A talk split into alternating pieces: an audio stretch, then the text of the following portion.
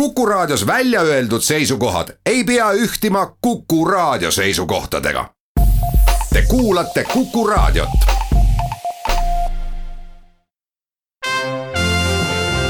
Tallinna Filharmoonia esitleb Filharmooniline huvitaja tere päevast, head kuulajad! Kui te juhtumisi veel ei tea, milline muusikaline kollektiiv on Detox ja kes seda teevad ja millist muusikat nad teevad, siis tänane saade on just teie jaoks. bändist on siis kohal kaks kolmandikku ja miks see nii on, sellest ka kohe kuulete. džässiringkondadest te kindlasti olete tuntud, te olete esinenud siin ja seal ja Eestist väljas ja festivalidel, aga siiski ma kahtlustan, et ei ole päris Eesti kõige populaarsem bänd ja ma arvan, et ma ei tee teile liiga sellega ja sellepärast ma palungi, et te tutvustate ennast ise, kes te olete ja kuidas te olete muusika juurde jõudnud läbi milliste pillide ja milliste õpetajate? tervist siis minu poolt, Jaanis võib ka midagi öelda. tere tere, aitäh, et sa lubasid mulle.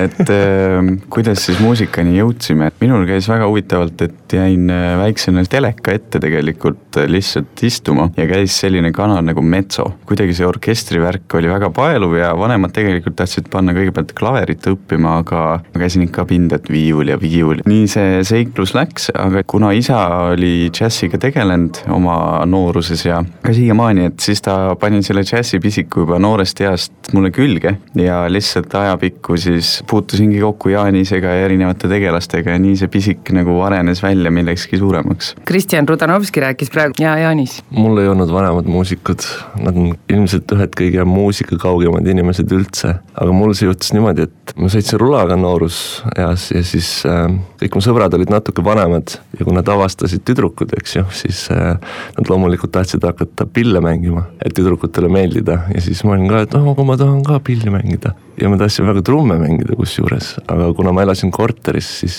noh, selle jaoks lihtsalt ei ole ruumi. Ja see on väga vali, nii et ma siis otsustasin ka, et noh, okei okay,, kitarr siis sobib. Ja sain kitarri ja väga meeldis, väga huvitav oli. järgmised aasta aega ma peaaegu üldse ei käinud õues rulaga sõitmas, pigem mängisin kitra ja kuulasin Metallicat ja kuni lõpuks lõpetasin keskkooli ja mõtlesin, et okei okay,, mis ma nüüd oma eluga siis teen. ei oska väga midagi muud, kui et kitarri mängida ja mõtlesin, et ma lähen Elleri kooli, vaatame, mis saab ja nüüd siin ma olen kuidas te kokku saite? täiesti juhuslikult oli Led Zeppelini teemaline projekt käimas. kellel meeldis kus äh,? koolis, seda vedas eest Paul. Paul Neitsov. Paul Neitsov, üks äh, vahva käpp. siis kutsuski, ma ei mäleta, keegi oli öelnud, et äh, noh, eks ma ikka olin seal natuke sihukest mingit bluusinalja teinud ja kuidagi see sõna levis ja ütles, et no tule siis. siis ma olin muidugi täiesti vahtra leht veel selles valdkonnas, aga kuidagi jah, saime Janiga seal jutu peale ja mm -hmm. sealt see asi nagu hakkas arenema, et Jaanisega tekkis kohe sihuke hea klapp, kuus-seitse aastat püsinud, et oleme järjepidevalt mänginud nii pika perioodi juba.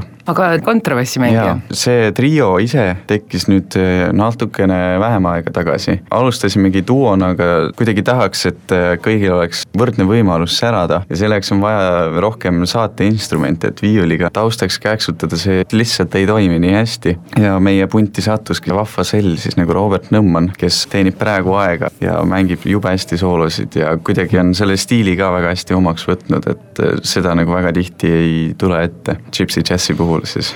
ja mis see siis täpsemalt on, see Gypsy Jazz? no naljakas on see, et ainuke side mustlastega tegelikult sellel stiilil on ainult see, et selle stiili üks siis esiisadest, Django Reinhardt, teine oli siis Stefane Grappelli. Nemad siis äh, tegid selle stiili, aga mis, äh, või noh, neil nagu kujunes see lihtsalt tänu ajastule ja instrumentidele, mis neil oli. ja aeg olid siis kolmekümnendad, eks? jah, ja mis seos mustlastega ongi tegelikult see, et Django ise oli mustlane aga stiil tegelikult on nagu swing ja sellele on omastatud sihuke nimi ja tänapäeval nüüd päris paljud tegelased on hakanud vaikselt nagu kisa tõstma, et kuule, et mis mustlane, et see jätab inimestele vale mulje, et inimesed tulevad justkui nagu mustlasmuusikat kuulama, mis on nagu teine asi, et see on ikkagi, mõni ütleb, et ongi akustiline swing või lihtsalt, et swing-muusika, aga see stiil ise on selles mõttes hästi kihvt, et trummi asemel ongi siis saateinstrumendiks kitarr puhtalt, kitarr teeb kogu rütmilise töö, noh muidugi koos välja mõeldud mingisugused rütmilised elemendid, aga nii-öelda muusika tiks käib ikkagi, tantsitakse siis nagu kitarri järgi.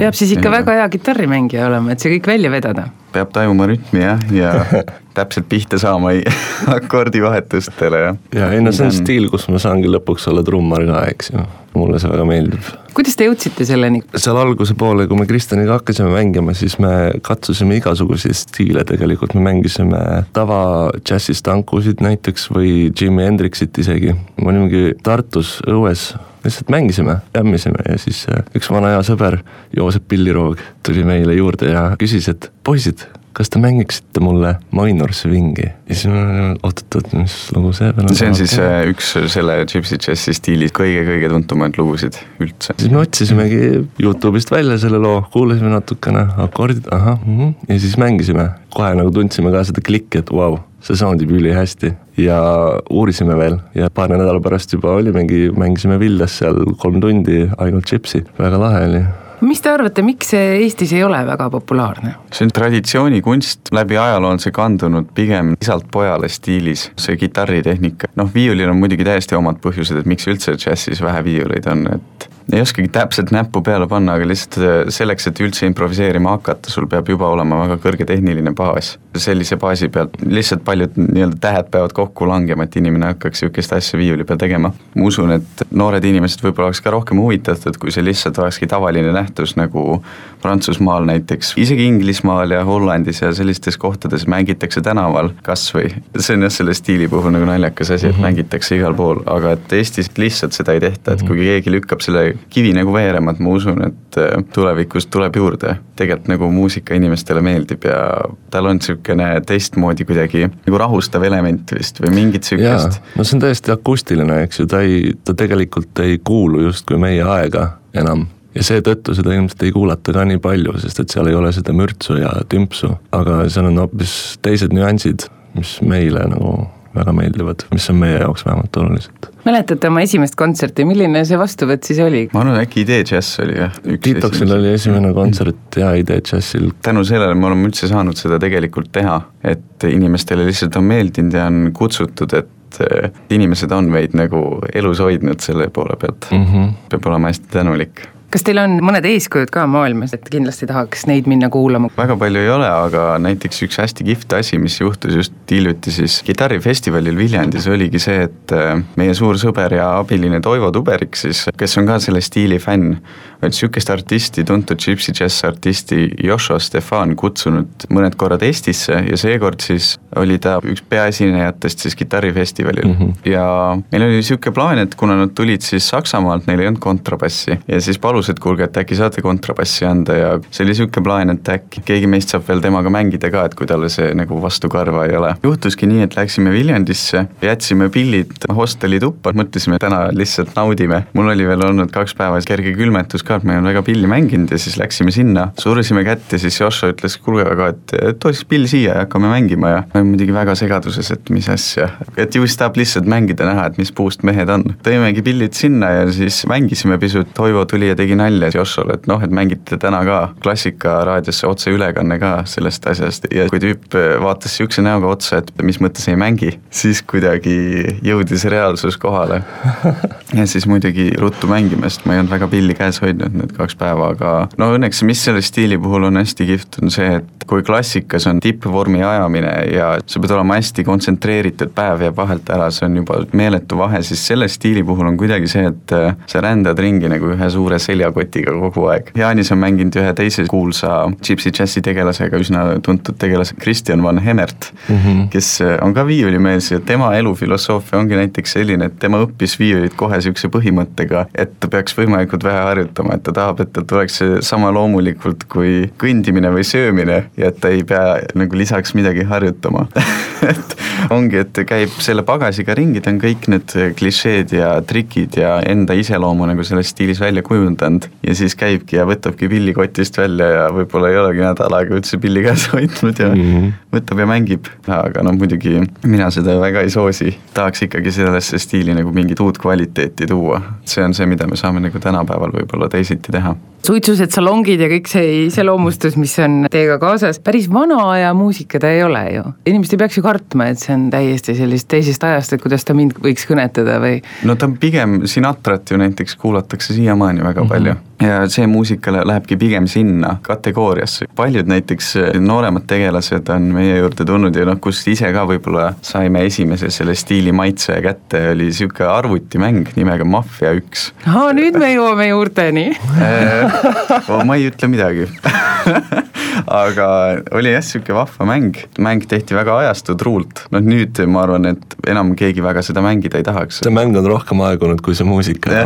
aga stiil tehtigi jah, siis ajastu truult pandigi täpselt selle aja muusika, et seal oligi niimoodi, et sõidad siis sõjaaegsetes autodes ringi ja kõigil on ülikonnad ja kaabud seljas, et see on täpselt see muusika võib-olla, lõõgastusmuusika, aga vanas stiilis. kahekümne kaheksandal novembril siis on Tough Clubis teie kontsert, nüüd kui Robert Nõmman aega teenib, siis kuidas ta harjutada saab, kas te olete ka mures? Ja kas teda üldse lubatakse kontserdile? see on täiesti super ja et lubatakse, muidugi peab ette teatama, peab teadma, mida sa teed ja kuna sa teed ja kuna sa tagasi tuled, kuna ta on praegu orkestris, siis siis mina ei ütleks küll, et kuidagi Pillimägi halvemaks on jäänud mm, -hmm. pigem ikkagi vastupidi, on temas välja toonud muusikaarmastuse veel rohkem tegelikult. väga tore, mida te ise ootate sellelt õhtult Tough Clubis? ootame loomulikult seda, et meil läheks väga hästi, meil on ka kavas äh, mängida täiesti uut muusikat seal, mõtlesime, et Tough klubis oleks küll paslik täiesti uut muusikat esitada inimestele. Te kirjutate ka ise muusikat? pigem teeme seadeid ikkagi, kuidagi on jah niimoodi kujunenud, et praegu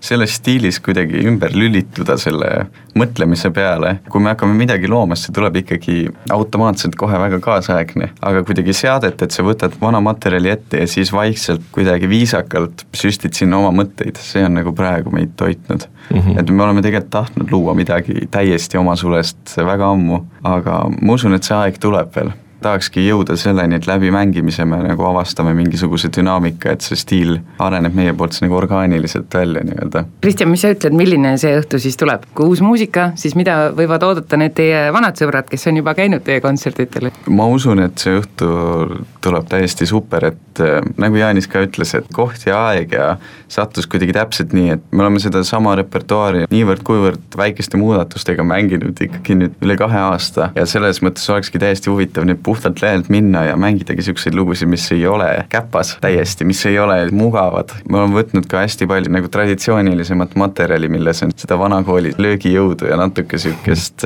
ma ei oska öelda naiivsus ei ole õige sõna, aga nad olid ikkagi mingis mõttes selles samas stiilis nagu kurjust täis. see on nagu kihvt, et on lugusid, mis on väga armsad ja hoolitsevad ja siis on jällegi vastukaaluks, kus on tunda kohe seda viha sõja vastu mm -hmm. võib-olla, et hipimeelsust neljakümnendatel paremini ei oska kommenteerida seda. nii et väga emotsionaalne õhtu, ma arvan, tuleb kahekümne kaheksandal novembril Tough Clubis kell kaheksa algab kontsert, Kaitsevägi on lubanud Robert Nõmmani ka mängima, võib-olla siis liiga palju lisalugusid ei saa teha, et siis linnaluba lõpeb juba või kuidas? ju nad tulevad järgi siis talle. ansambel Detox, Kristjan Rudanovski, Jaanis Kill, ma tänan teid ja soovin, et tuleks siis selline emotsionaalne ja löögijõuline kontsert. aitäh! kõike head ja ilusat päeva jätku!